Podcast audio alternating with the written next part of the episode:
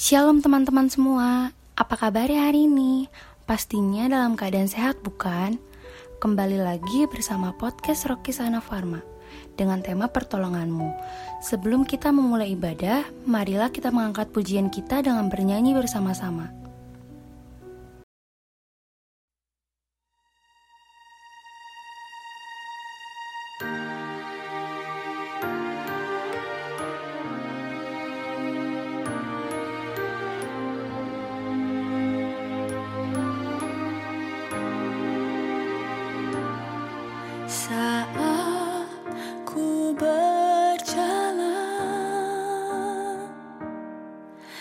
Kasihmu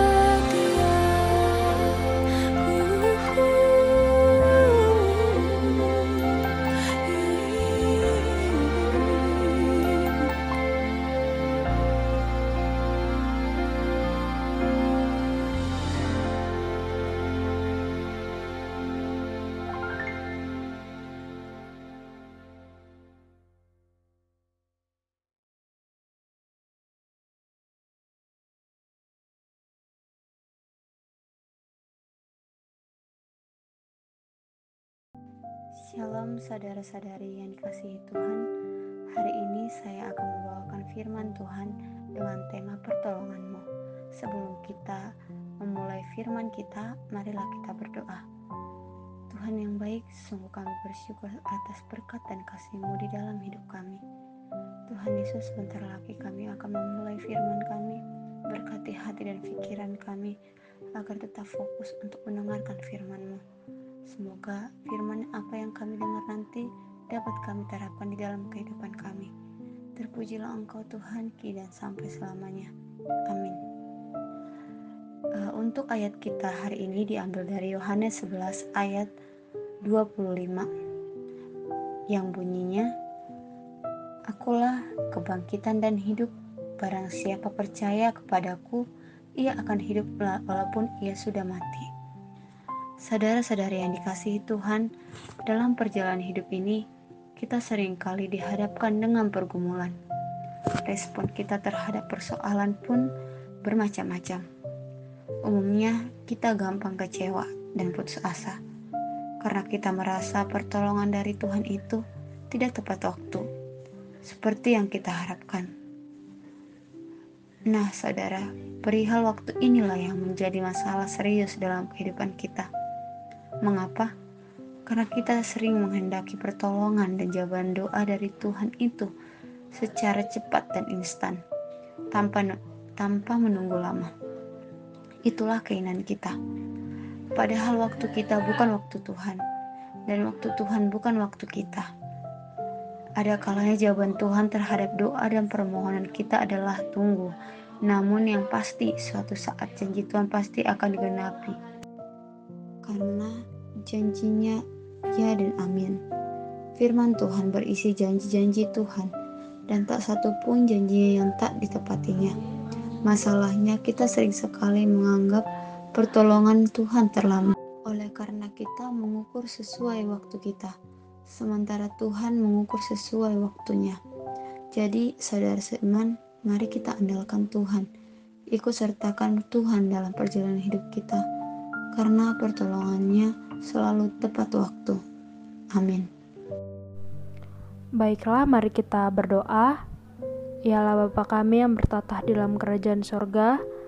Ya Tuhan, terima kasih atas penyertaan-Mu hari ini, sehingga kami di sini dapat mendengarkan firman yang dibawakan oleh hamba-Mu. Biarlah firman yang sudah kami dengarkan dapat menjadi pedoman dan dapat kami terapkan dalam kehidupan kami ya Tuhan. Begitu juga dengan negara kami ya Tuhan, kiranya Engkau memberkati negara kami, jauhkan dari segala kejahatan, jauhkan dari segala keegoisan ya Tuhan.